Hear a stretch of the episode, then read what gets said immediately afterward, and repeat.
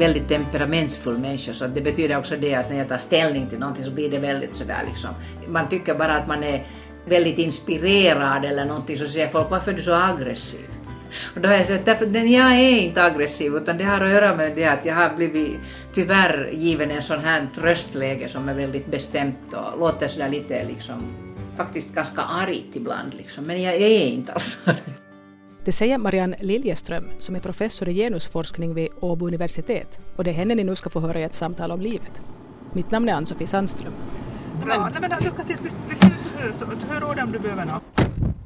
När jag för ett tag sedan frågade min svägerska Ann-Katrin i Åbo om hon kunde ge förslag på intressanta personer för samtal om livet så nämnde hon genast Marianne Liljeström. Och varför inte, tänkte jag och ringde upp henne och frågade om hon hade lust att träffas och prata om sig själv och sina livsval. Jag vet att jag har träffat Marianne åtminstone en gång tidigare. Det var när min nu 17-åriga brorson bara var några månader gammal. Jag bodde på den tiden i Washington DC och fick ett infall och följde med min svägerska på en konferens för historiker i North Carolina. På den tiden så hade jag just börjat frilansa för det som då var Riksradion och jag gjorde en kort radiogrej med de finlandssvenska historiker som var på den här konferensen. Och av någon anledning så kommer jag ihåg att jag använde en snutt där Marianne Liljeström sa någonting om att man skulle rodda i könssystemet. Goddag! Länge sen sist. Ja, det har vi sett. Ja, jag försökte räkna ut att då var Leo typ några månader. För vi var i North Jag vet Carolina. inte, jag vet inte. Jo, Så då var det jo, och grejen med den att hon då fortfarande amma. Jo, jo, jo, jo, och när man frågar det. henne, ah you're nursing, att, what do you have? A girl? Uh, no, I mean a boy, svarar hon. och det är där mycket vi skrattar länge åt. Jo, jag kommer ihåg det där. Vi slår oss ner för att börja spela in sådär på riktigt. Men jag måste bara fråga ifall jag minns rätt att det faktiskt var Marianne Liljeström som då för 17 år sedan sa någonting om att Man ska rodda i könssystemet. Det är Ja, jag. Låter det konstigt? Låter det som att du Nej, aldrig någonsin skulle nej, säga nej, nej, nu, det låter nog helt, men man lugnar ju ner sig. Varje år så får jag säga till de studerande om det här. Att var, varför liksom så, är det så viktigt det där med att det är ordning och reda? Därför just för att kaos är ju väldigt hotfullt alltså. Det värsta av all kaos är ju förstås det att inte man liksom vet vem som är en man och vem som är en kvinna och att de inte liksom följer på något vis de där förutbestämda reglerna och, och uppträdandemönstren som de bör. Det ska vara ordning och reda så att folk vet hur de ska leva. och så berättar Marianne Liljeström om hur det var när hon nyligen skulle köpa en gåva till ett dop. Jag hade där alldeles just blivit femte gången nu sån här gammeltant. Gammelfaster, min brors ba- barnbarn. Jag var där nu på eftermiddagen. De är ju hemskt fula sådana här gåvor som har att göra med någon sån här dop. Och så frågade den där människan, det första hon frågade mig var det att också tyckte var pojkar. Har det någon betydelse? Så att visst har det betydelse.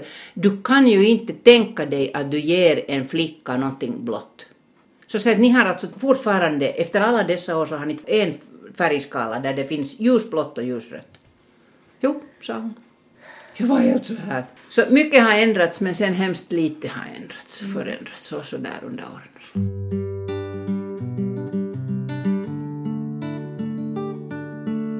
Nå, nu får du börja berätta vad du heter, vad du gör, varifrån du är, Okej, sånt. varifrån jag är? Nå, typ. Jag är född i den här stan. Går det alltid? Jo, det går in nu. Har det gått det Ja. tidigare? Nej. Sätt ett nytt spår.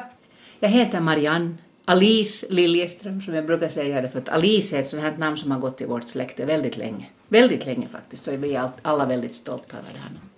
Marianne Liljeström heter jag och sen så är jag professor i genusvetenskap som det heter i Sverige. Här heter det genusforskning nu för tiden, sukupuolen tutkimus.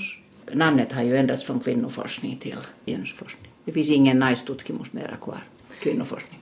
Det var Nå, vi ska komma in på vad du gör, men att, nu vill jag då att du berättar liksom var du växte upp och hur du var då och när växte du upp? Vilket årtionde talar vi om här? Jo, vi talar om 50-talet. Jag är född på 50-talet och, och jag har vuxit upp här i Åbo. Och jag har gått alla mina skolor på svenska. Jag är verkligen finlandssvensk sådär per definition i det fallet att mina båda föräldrar har haft modersmålet svenska. Och det har varit helt, alltså jag har varit en del av den här Åbo finlandssvenska födda på 50-talet gänget. Jag minns du vad du gick och funderade på att du ville bli när du blev stor, då när du var en sån där liten Jag ville bli kartriterska. Ja, Och varför just det? No, jag vet inte, jag tyckte jag var alldeles fascinerad av kartor.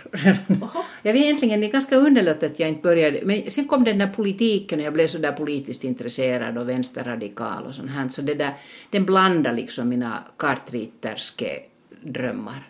Men allra först när jag var, firade somrarna mycket med min farmor som bodde i Helsingfors, då kom jag underfund med som en kanske fyra, femåring eller sånt här, att jag ville egentligen bli kötthandlare. Jag var alldeles fascinerad över hur de handskades med kött och jag är ju karnivor fortfarande så det liksom, så det, det kanske sitter i. Var det liksom just sådana små köttbutiker som fanns på den Ja, tiden? ja, det var just sånt här. Och hon handlade alltid om, och vi gick i, vet du, från en butik till en annan. Hon tyckte väldigt bra om att laga mat och hon var skicklig på det och så här. Så frågade jag alltid att om hon kunde gå till sina andra affärer och jag fick stanna kvar i den där butcher-grejen och titta på det där när han handskades med det där köttet. tyckte jag var häftigt. Nå, så att det var min allra absolut första. Men sen kom den här kartritning, så den där geografin och det här med världen och jordklotet och allt det här. Och det kanske kommer därifrån att jag fortfarande är väldigt inspirerad av att resa omkring. Jag reser väldigt mycket, jag reser gärna. Politik då, du sa att du drogs med i det här ungdoms eller studentpolitiken. I vilken Jo. skede drogs du med? No, jag var egentligen skolelev då ännu, att jag gick i gymnasiet. Alltså jag, jag hör ju egentligen till den där generationen som har blivit politiskt uppväckt av Vietnamkrig. Att jag har varit någon gång sådär 14-15 typ då. Alltså vilket år skrev du studenten?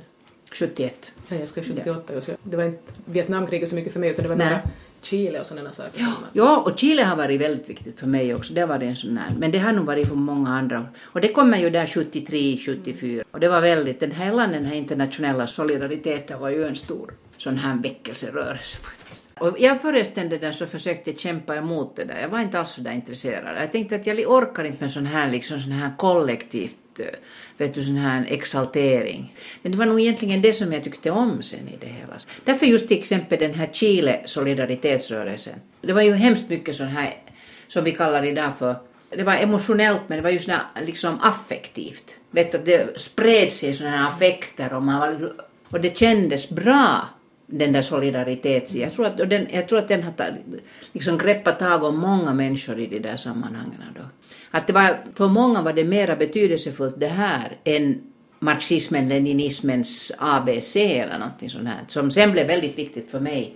Men var du då sån att... Um, Nej, jag har hört till den här häftigaste Men fanns det här vänstergrejen någonstans också i familjen från tidigare? Nej, tvärtom. Min pappa hade där så, de skildes när vi var väldigt små.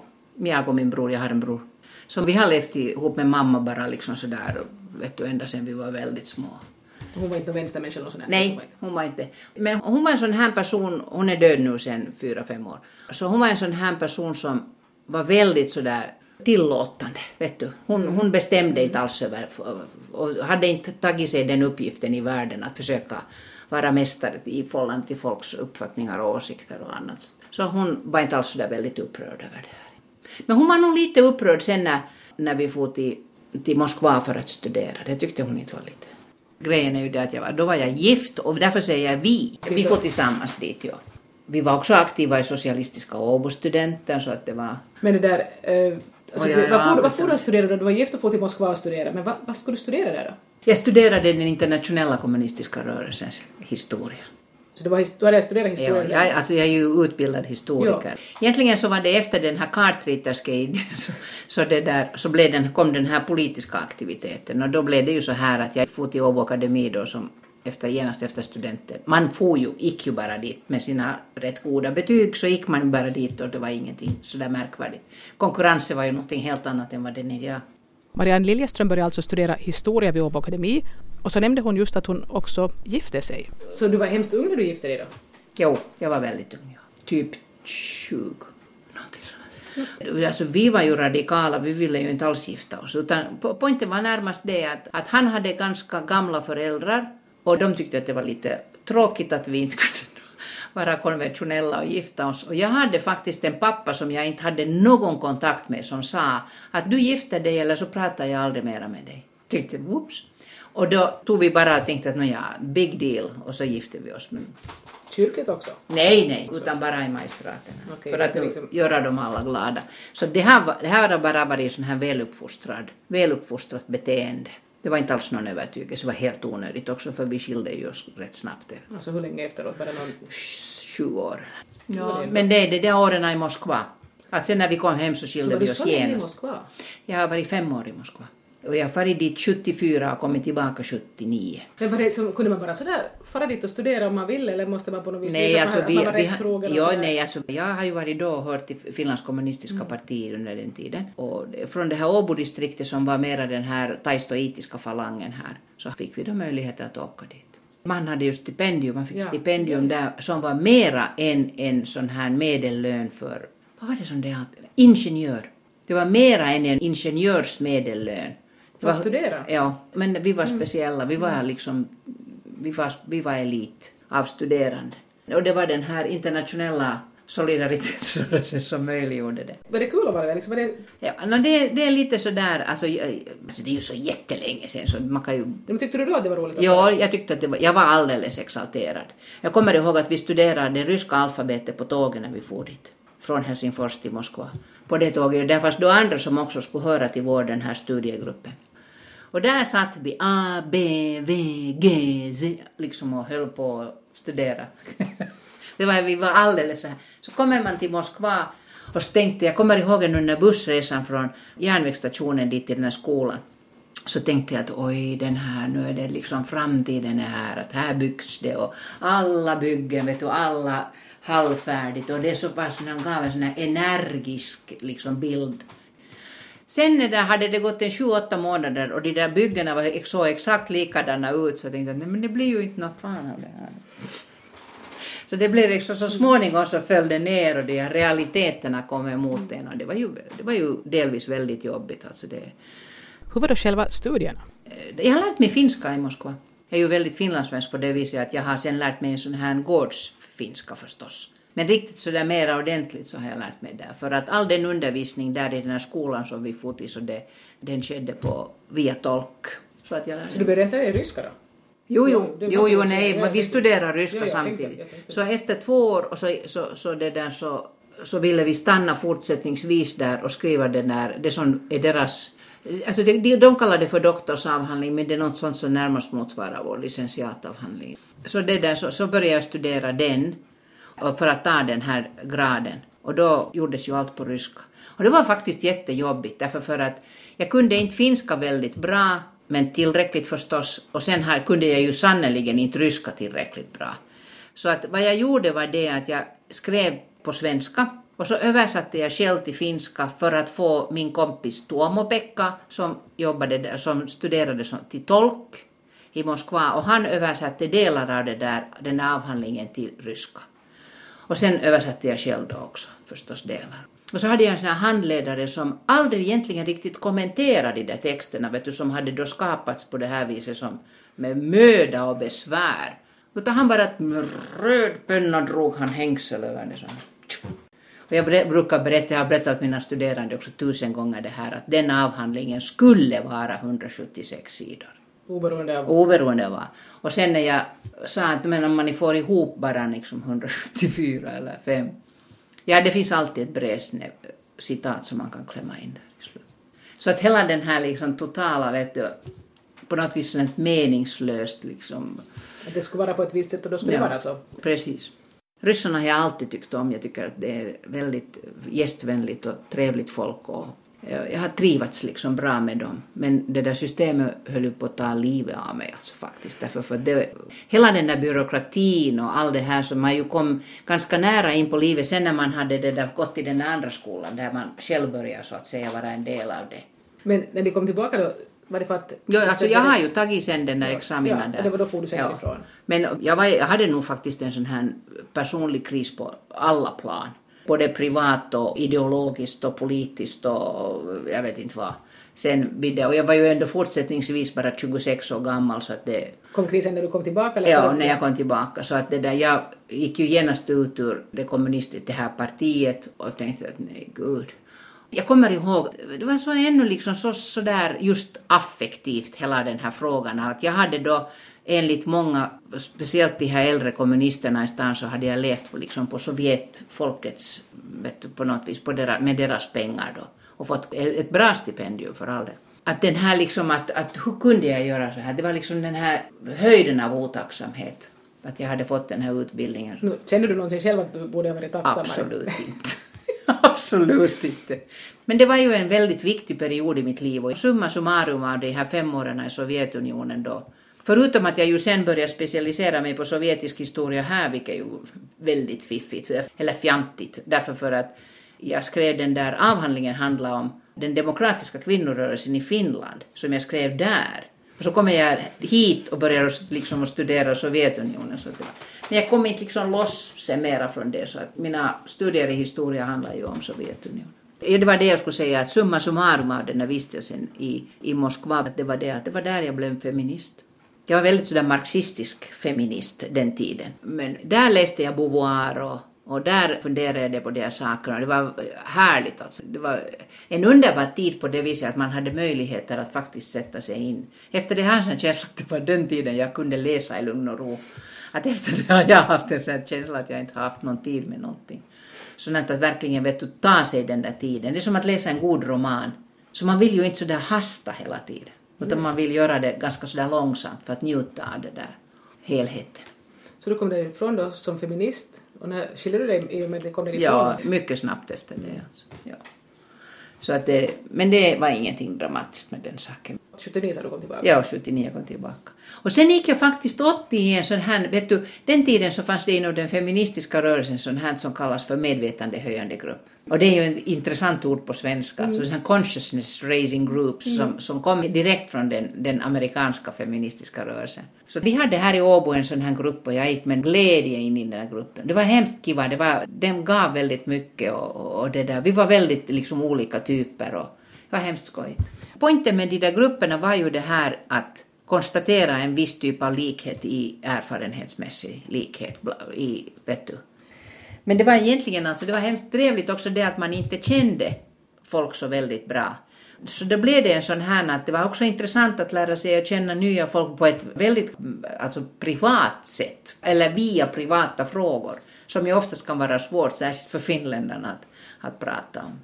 Så det var väldigt viktigt, det var 80, och sen så, jag var det där eh, ett par år som sån här kanslist på Byggnadsarbetarförbundet i Åbo. Och jag bara tänkte oj herregud, hur ska jag komma härifrån så att jag får studera? Och jag hade ju inte ju ännu min gradus skrivit vid det laget. Och sen dog min pappa faktiskt, 81. Och då det där så ärvde jag lite pengar, eller det blev lite pengar då det, kvar från det. Och så slutade jag jobba direkt och så får jag tillbaka till Åbo Akademi och så hade jag en sån häftig motivation vet du, så att det bom, den kom på tre månader denna gradun ungefär. Eller jag egentligen började då med den här Sovjethistorien och jag började med 20-talet som som man ofta gör, särskilt om man då vill kombinera det ihop med feminism och kvinnofrågan och sånt här. Så, att det, så det blev alldeles gott arbete, det är ingenting. Och egentligen i den akademiska världen är jag liksom mer eller mindre på den vägen. Att sen blev jag där, någonting gjorde jag annat. Jo, jag gjorde lite vikariera i skolorna och någonting sånt här smått. Men jag har egentligen alltid velat bli universitetslärare. Därför för att jag tycker att det är så jobbigt med de här människorna som är tvungna att gå i skolan. Vet du? Och den erfarenheten fick jag under de där åren var det att det där jag var bland annat i Pargasiet, oj Jesus, där i högstadiet, oj, det var förskräckligt. Det här hit vill jag aldrig komma de var så jobbiga, totalt omotiverade, vet du. Liksom sådär utan någon motivation för de där studierna. Jag tänkte att det här är ju förskräckligt. Så att för mig har det alltid varit väldigt skönt det här att man får undervisa vuxna människor som har själv valt det här. För att då liksom kan jag på något vis också vädja till det här att ni är alldeles frivilligt här alltså. Man behöver inte tvinga någon att göra någonting. Så, och så fick jag väl några, något stipendier eller någonting sånt här för jag började ju nog så där lugnt att göra min licentiatavhandling då för jag ville faktiskt liksom bli det. Det hade också varit redan i Moskva en sån här dröm som jag hade var det att nu ville jag liksom jobba som forskare och jag ville göra någonting. Att jag kände liksom för att, att jag vilade i det där arbetet på något vis. Och det där, sen 85 så, har, så var jag ju assistent i allmän historia vid Åbo Akademi. Så att det där. Och sen så gjorde jag, efter det jag hade disputerat 96, i början 96, så gjorde jag det jättestora beslutet av att söka mig till Tammerfors universitet. Och jag måste säga att det, någonting, jag har nog varit väldigt glad över det beslutet. Det här tycker säkert ingen om som har jobbat vid Åbo Akademi, men, men det, det, det var ganska skönt nog att komma bort från det här. Att då hade jag egentligen, förutom den där Moskva-perioden på fem år, så hade jag bara haft med finlandssvenskar att göra. Både min, alltså i skolgången och kompisarna och, och hela den här studietiden förstås vid Åbo Akademi. Det här är ett samtal om livet med Marianne Liljeström som blev överassistent i kvinnoforskning vid Tammerfors universitet år 1996 och sen år 2000 är hon professor i kvinnoforskning vid Åbo universitet. Men numera heter ämnet genusforskning. Den har diskuterats väldigt mycket, den här namnändringen. Svenskarna var ju de som redan på 80-talet, slutet av 80-talet valde det här genus. De ville på ett visst sätt bort från det här att man hela tiden förknippar könet med någonting biologiserat. Jag kommer ihåg att jag var väldigt ambivalent över den här förändringen därför för jag tyckte att å ena sidan att jag trodde att det skulle kunna finnas en sån här möjlighet att propagera det här liksom ämnet som ju faktiskt alltså är ett, ett eget ämnesområde idag inom den akademiska världen och väldigt etablerat vid det här laget. Jag tänkte så här att om man kallar det för kvinnoforskning så det är ungefär min gamla slogan har alltid varit det här att alltid retar det någon. Så då tänkte jag att nog alltid retar det någon ifall att man kallar det kvinnoforskning fortsättningsvis. Och så tänkte jag så här optimistiskt och väldigt idealistiskt att så har jag den här möjligheten att förklara vad det är frågan om när de reagerar väldigt starkt att jaha så ska det bara diskuteras kvinnor och det ska det bara forskas i kvinnor och kvinnor och kvinnor. Vilket ju inte alls är sant utan det är ju könsbaserade fenomen och kultur och historia som vi liksom forskar i. Men sen varför då kvinnor? Så fick man den där möjligheten att diskutera det här liksom med det här förbisedda, det här osynliga, det här nedvärderade och bla bla. Så därför var jag på ett visst sätt, därför för att genus och sukupuoli neutraliserar ju på ett visst sätt. Det gör liksom, det jämställer, vet du, det gör det lite sådär tråkigt. När kom Marianne Liljeström själv in på kvinnoforskning som senare blev genusforskning? Men det var egentligen under, alltså jag skrev den där gradunden som hade med det att göra. Och då studerade jag ju mycket förstås feminism och sånt här. Och sen hade vi 85 Alltså Åbo Akademi är ju föregångare i landet gällande det här ämnesområdet. Så vi gjorde en sån här studia generalia och, och vi var alldeles tagna över det att det var massor med studerande. Brahe auditoriet i Åbo Akademi var alldeles fullspäckat av folk och vi var alldeles så här wow, det här var ju en succé. Och sen så grundade vi ju ganska snabbt efter det Institutet för kvinnoforskning vid Åbo Akademi. Så att det där, på det viset har man ju varit liksom lite med sådär från början. Och jag har ju fått alldeles just senaste maj av Finland Akademi ett projekt som jag har tyckt att det, där, det är dags nu. Tiden har liksom gått nu med alla dessa 30 år. Att, det där, att man kan börja skriva den här ämnesområdets historia. Och jag har fick det projektet så att jag håller på med det. Det är min forskning för tillfället. Men det att du just då engagerade i det här, var det då en kombination här med marxismen och det här med kvinnogrupper och allt sånt ja, där. Och... Nej, nu, det, nu har det ju varit förstås det att det, det är ju också en sån här samhällsengagemang, alltså hela de här frågorna som har med jämställdhet mellan könen och kvinnornas rättigheter och överhuvudtaget hela den här genusproblematiken som svensken skulle säga. Men har du något minne när du själv första gången reagerade på de här sakerna? För jag har tydliga minnen där jag liksom faktiskt bara blev så arg för att de sa mm. att jag inte fick göra någonting för att jag var flicka. Ja, ja. ja jag har ju alltid varit en sån här sådär som säkert du också för att om du har blivit tillrättavisad så då har du varit lite sådär pojkaktig flicka. Jag sa bara att jag ville bli astronaut. Ja, så de att men lilla vän, det kan du ju inte. Nej, så varför inte? För att du är flicka. Ja, vad skulle jag ha hänt om jag skulle ha sagt att jag vill bli sån här butcher? Jag vill liksom bli kötthandlare. om jag skulle ha hållit fast vid det. Jag hade, mor, hade en morfar, han är död sedan jättelänge, han var hemskt trevlig. Han kallade mig för Maje suffragetten. Jag kallas för Maje. Jag visste inte ens vad suffragett var och jag frågade man, no, man, det är sådana här som kämpar för kvinnor, jag ska lyssna på honom hela tiden. han kallade mig alltid för det. Han tyckte att jag var redan då så här liksom feisty av mig. Så att, och det är egentligen den där första som jag vet som jag har varit jätteliten då. Så att jag har på no, no, någonting har jag då gjort eller varit påstridig eller lillgammal eller någonting sånt här som han har tyckt att man, han kunde ge den här. Är du satt liksom inte bara vara tyst och söt? Nej, jag har nog inte aldrig varit tyst och söt. Så, då ser du hur det går. Ja. Då liksom får man höra sånt där. Ja, mm. det är nog så. Jag har ju faktiskt gått, gått flickskola jag. Och jag har alltid tänkt att det där att det har nog en stor betydelse att vi var bara flickor. Det, det skapar nog en sån här, ett ganska gott självförtroende i oss. Det är liksom lite det här vet du, att kvinnor kan. Lite en sån här, sån här, sån här medvetenhet och det där. Det har gjorts efteråt, studer, liksom hade ju gjorts forskningar om den här saken. Att det är också att om man tittar på vart, de där, vart de flickorna har placerat sig, om man tar en jämförelsegrupp och sånt här, så ser man att det är ganska stor skillnad. Jag frågar Marianne om hon på samma sätt som när hon var yngre fortfarande reagerar starkt när hon märker att någon behandlas orättvist eller behandlas olika enligt kön. Ja, alltså, jag, men jag har alltid haft en sån ganska stark liksom, etos, kanske patos också, liksom om, om de här sakerna. Jag är väldigt temperamentsfull människa så det betyder också det att när jag tar ställning till någonting så blir det väldigt sådär liksom. Det är sådär som att eh, man tycker bara att man är väldigt inspirerad eller någonting så säger folk varför är du så aggressiv? Och då har jag sagt därför den jag är inte aggressiv utan det har att göra med det att jag har blivit nu tyvärr given en sån här tröstläge som är väldigt bestämt och låter sådär lite liksom faktiskt ganska argt ibland liksom. Men jag är inte alls arg. Jag får alltid förklara det. Så att det där, eh, men nu blir jag ganska upprörd ibland ja. Till exempel, jag var där i Burma när det, det kom fram det här med den här våldtäkten i Indien som säkert alla människor har nu vid det här laget följt med. Jag var alldeles tagen av de här indiska kvinnornas aktivitet, att de hade ungefär beslutat att nu fan får det räcka det här. Så sådana här saker gör mig ju förstås mig ganska upprörd. Och nu gör det ju när, nu när jag har rest ganska mycket där i Sydostasien så nu är det ju ganska beklämmande den där situationen, särskilt för kvinnorna, för de jobbar så jättemycket. Och de är så strikta de där könsrollerna fortfarande att att sånt här vet du, lägger man. Men nu gör det mig lika upprörd det att kvinnans euro är, är 80 cent av, av mannen. Så det, nu gör det fortfarande mig också upprörd över det. För att det är sen igen frågan om en sån här politisk vilja som fattas för att kunna bara ta itu med saker och ting. Det har snackats så många årtionden om den här saken. Så då blir man lite sådär att, nej, hallå, varför ska vi då ha en jämställdhetslag om inte vi kan få sådana här saker liksom avklarade? Och så kommer någon förstås fiffikus genast och säger ja men det beror på hur man räknar och det är frågan om det. Kvar står fakta att det är en ordentlig löneskillnad, hur du än sen räknar.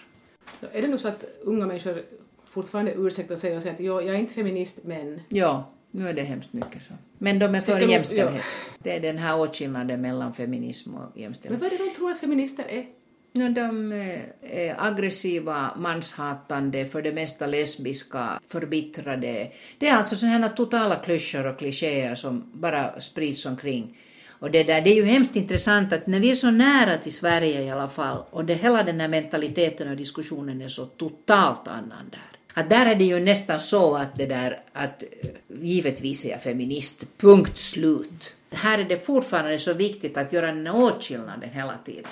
Och jag tror att det egentligen är så alltså att i och med att jämställdhetsfrågan och hela den här, den politiken och retoriken är legitim. Men, är, men samtidigt är det väldigt viktigt att göra den här åtskillnaden till något sånt som heter feminism enligt dem som kan vara vad fan som helst. Alltså det är ju svårt att ens veta vad det menas med det. Men de där klyschorna, och just den här är någon sån här fanatism och någonting sånt här som inte tar liksom livets realiteter på allvar om att det faktiskt finns då män och kvinnor och, och, och bla bla. Och, eh. och sen är det just det där hycklande om att det är den lilla skillnaden som gör det. Och när man sen frågar att vad är den lilla skillnaden? Är, är det penis? Är det penisen som är den här skillnaden? Mm. så blir de ju bara generade över att hur kan du säga så där? Att det finns ju så många andra lilla skillnader. Mycket små sådana.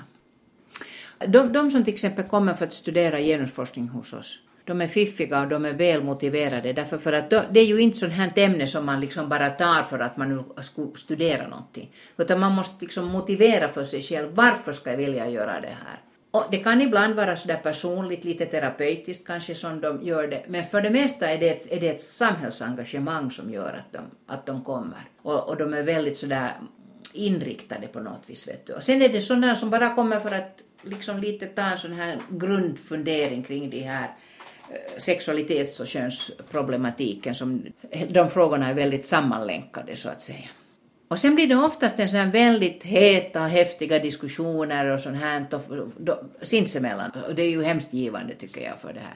Och då kommer det fram hemskt ofta det här, vad, det jag, skulle, vad jag skulle säga, är det att de, det finns de här liksom som har hemskt stort behov av att manifestera att de har aldrig blivit diskriminerade. Och det är ju också en sån här självrepresentation, vet du, att jag är en duktig flicka, jag klarar mig i det här livet. Jag här ska inte snackas om någon diskriminering eller något annat heller.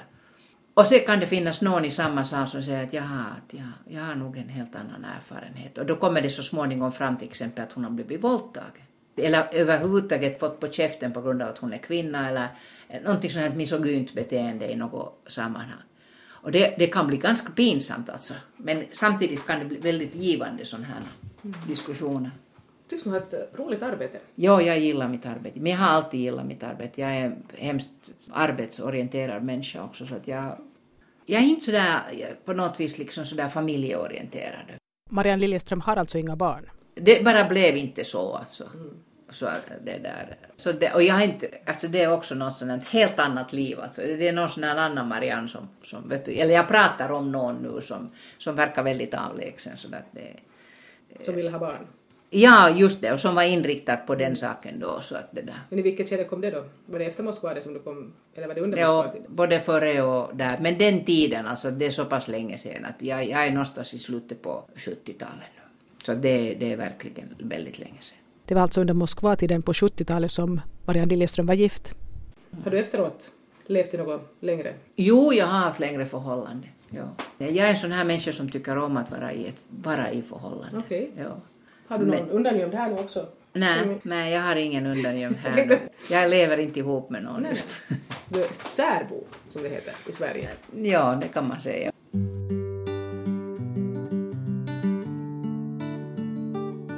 Jag frågar Marianne Liljeström hur hennes liv är just nu. Nu lever jag tycker jag ett väldigt bra, jag hade ett väldigt bra liv för tillfället. Jag är väldigt nöjd och lycklig och glad och belåten. Men det där, jag har fyllt alltså 60 alldeles ganska nyss. Och det där, till det här livet hör det ju det att man måste ständigt liksom ta ställning till att det där att efter max åtta år så blir jag pensionär och har du faktiskt tänkt vara så länge? Jag vill, alltså folk vill diskutera pensionsålder och pensioneringar och sånt här med mig. Jag är totalt ointresserad. Jag har inte liksom något, något sån här tanke, jag vet inte ens vad jag liksom, va? Det verkar så jättelångt någonstans. Och jag är så jätteglad över det att jag kommer att vara fri från tjänsten nu under ett år från och med nästa höst. Så jag är liksom bara nu, lever så där vet du att bara kvittrar. Jag frågar Marianne Liljeström ifall det har funnits andra perioder i livet när hon inte har varit lika nöjd som hon är just nu. Eh, jo, alltså det, någon gång på andra hälften av 80-talet så var jag nog ganska sådär liksom på något vis ångestfylld. Vet du, jag hade det jobbigt och så. Jag vet inte riktigt liksom om det har att göra med en sån här viss eh, bli vuxen idé. Men när jag inte aldrig blev vuxen. Så att jag, jag vet inte riktigt vad. Det finns så olika mått på det där att vad den där vuxenheten är. De som skaffar sig barn och de som liksom gör så de tvingas ju på ett visst sätt bli vuxna fast de ju egentligen inte liksom... Att det där att vara vuxen, jag har hemskt problem med det här att vad olika generationer är. Alla människor som är redan lite, lite äldre, typ 50 någonting, så det där, de vet det att det där inre livet som vi har inom oss, det är ganska oförändrat. Jag, jag känner mig väldigt barnslig, jag är ganska barnlik, inte barnslig kanske så mycket men barnaktig, lite sprallig och så här va. Sen samtidigt när du ser att det här yttre skalet liksom kanske håller på att rämna ihop eller börjar förändra sig, blir mer och mer lik mamma hela tiden. Så, det, så då, det, de här sakerna går ju inte ihop. Och det är ju här som jag tror att oftast de där ålderdomskriserna kommer. Liksom. Är det där att du känner dig så hemskt så där ungdomlig innanför medan samtidigt det där yttre talar något annat språk. Och folk, hur folk förhåller sig till dig. Jag menar, har jag begärt att få tala om liksom pensioneringar? No, nej. Men det har ju förstås att göra med att jag är en viss generation och i en viss ålder och så Och kanske de själva som pratar om det går att fundera på de Precis sakerna. så är det, ja. Så det, det här är det där, överhuvudtaget generationerna är en sån här sak som jag tycker att går väldigt sådär, vet du, det är ingen sån här kronologi utan det har att göra med någonting som går tvärs och över och allting, beroende på vilken aspekt man tar på det För att det finns ju så många aspekter ändå i oss liksom. Men ännu det här med att bli vuxen, vad skulle det kunna betyda? Det att då klick, klick vara vuxen betyder någon typ av, av levnadsvishet som, eller visdom som man kanske har vet du, internalisera i sig själv som någon typ av regler för beteende både för sig själv och för, för andra människor. Och sen det där att, att man ju i allmänhet blir betydligt lugnare och betydligt mer sådär givmild i förhållande till andra människor. Att man är ju inte sådär liksom på något vis strikt i sina åsikter och, och sådär, eh, jag vet inte, sådär liksom kanske lite fanatisk som, som man var som hemskt mycket yngre. Aj, en sak glömde jag fråga när vi pratade om Marianne Liljeströms studier i Moskva. För jag undrar hur länge hon själv trodde att det här Sovjetsystemet var det enda rätta. För hon verkar ju hemskt övertygad när hon for dit. Ja, jag var väldigt, jag var alltså riktigt sådär blåögd och, och naiv egentligen. Men hur länge höll det i sig? Nå, inte höll det så väldigt länge, något år kanske. Det började med de här, varför är de där byggnaderna fortfarande där? Varför precis på samma plats som när jag kom dit. Och, jag var, och liksom att hur de representerat mig sån här framtidstro och vet du, det skulle byggas och det skulle, här byggs det socialism så det vet du, brakar i knutarna. Och sen liksom skedde ingenting och då börjar man ju också bekanta sig med det systemet från många olika kanter. Och det visade sig ju vara väldigt jobbigt. Alltså det, det... Då när du kom tillbaka och gick ut ur partiet och alltihopa, hade då, dina vänner var de kvar fortfarande inom partiet liksom du hade här i Åbo, dina, som hade varit med i det här? Jo, no, det var, det var blev ju du så... liksom då i konflikt med dem på något vis? eller? Nej, inte blev jag det inte. Utan det var med de där äldre kommunisterna som då fortfarande så kanske jag eventuellt är det. Och det var egentligen i det sammanhanget som jag tog den här, en annan slogan, alltid retade det någon en. Men den andra sloganen är det här att det har varit faktiskt väldigt viktigt hela livet. Jag brukar säga det till studerande också ibland att man får faktiskt ändra sina åsikter. Att jag förbehåller mig rätten att ändra, att ändra mina åsikter. Man behöver inte alltid vara av samma åsikt. Sådär som, särskilt någon sån äldre män tycker att det är väldigt viktigt för dem att säga att jag har alltid ansett det här. Vet du. Så som det skulle vara någon sån positiv sak. För jag tycker ju genast att det är ju förskräckligt om man skulle måste gå omkring och vara av samma åsikt hela tiden. Det är någonting sånt här, man tror ju inte på sin egen utveckling heller, eller att man kan liksom vet du, börja tänka om och man kan lära sig eller någonting sånt här, utan man liksom vet allting redan från första början. Vi kommer in på det här med människans behov av tro och religion. För det mesta så är ju livet ändå ganska, det, det finns liksom, det är skojigt och det är roligt och allt det här, men det är ju ganska kort. Det är jättekort. Så att alla, alla hamnar på något vis och konfronteras med den här frågan om sin egen död och allt det här. Och om man då liksom bli, försöker bli salig på ett visst sätt för att orka med den där, med det faktum att vi alla dör, så, så då, då måste folk få göra det då. Då. All tro och all, lite också sådär mysticistiska och liksom underliga new age-grejer, allt passar för mig. Alltså bara om folk har det bättre, så att säga. Istället för att äta en massa psykfarmaka eller vad, vad det nu heter. Har du alls haft någon dragning själv till något sånt här? Nej, alltså jag var ju då när jag var ung så nu var jag sådär bohemisk av mig, men det var ju ändå allting inom det väldigt konventionella och snälla ramar och så här. Och jag har inte heller varit någon sån här, jag är liksom väldigt mycket nere på jorden i det fallet och jag är inte någon sån här liksom mysticistiskt eh, anlagd på något vis. Jag blir inte alls på något vis tagen av det där. Jag konstaterar att man ändå nog när man är över 50 på något vis hamnar att förhålla sig till det här med livets ändlighet och att det faktiskt känns att det är ganska kort. Absolut. Det, efter mammas död som nu- är nu fyra år sedan, lite på fyra år sedan, så det, det tyckte jag var liksom, det var jättejobbigt. Alltså min pappa hade dött sedan ti- 30 år sedan. Så Du han, sa att du ärvde sa du? ja, det var det där, ja. ja. Som vi alltid brukar säga med brorsan att det där att, att han fick för, liksom ett sånt här redigt boägg till en ny bostad, eller egentligen deras första och, och jag kunde sluta och jobba som, som kanslist som inte var riktigt vad jag tyckte att vad var det jag skulle göra i livet. Så vi har båda haft liksom en väldigt stor, och det var en liten summa så kom ihåg att det var inte, det var bara den här lagstadgade andelen av det där. Men nu när mamma dog så det där så, och jag har alltid, vi kommit väldigt bra överens med min mamma, jag gillar henne mycket skarpt, hon var en charmig och trevlig människa så det där, så vi har sört väldigt mycket henne, brorsan och jag. Förutom att det har närmat oss till varandra, vilket har varit väldigt trevligt. Och vi har alltid gillat varandra, men vi har liksom inte, vår kontakt har varit... Och det är oftast ju går på det här viset, att syskon närmar sig varandra just i och med att föräldrar, någon förälders död. Eller föräldrarnas död förstås så här. Hela den här frågan om det där liksom med en sån här kontinuitet och med hela den här liksom, ja, vet jag, livets mening. Livets mening är ju livet. Så det var den stora djupheten, eller djupa tanken. Men överhuvudtaget det här för att sorg är ju något sånt här som man ju inte kan på något vis planera. Man kan inte sörja på förväg någonting, utan det kommer sen så. Och man kan ju bli ganska förvånad över hur starkt det är sen, att man verkligen sörjer riktigt sådär. Och sorg är också något sånt som jag tycker är väldigt intressant att diskutera där. Det är ju sånt här, jag tror att det här har absolut att göra med åldern. Alltså det, det varit något sånt, visst har jag ju tänkt på sorg tidigare men inte liksom, i alla fall så har erfarenheten ganska stor betydelse.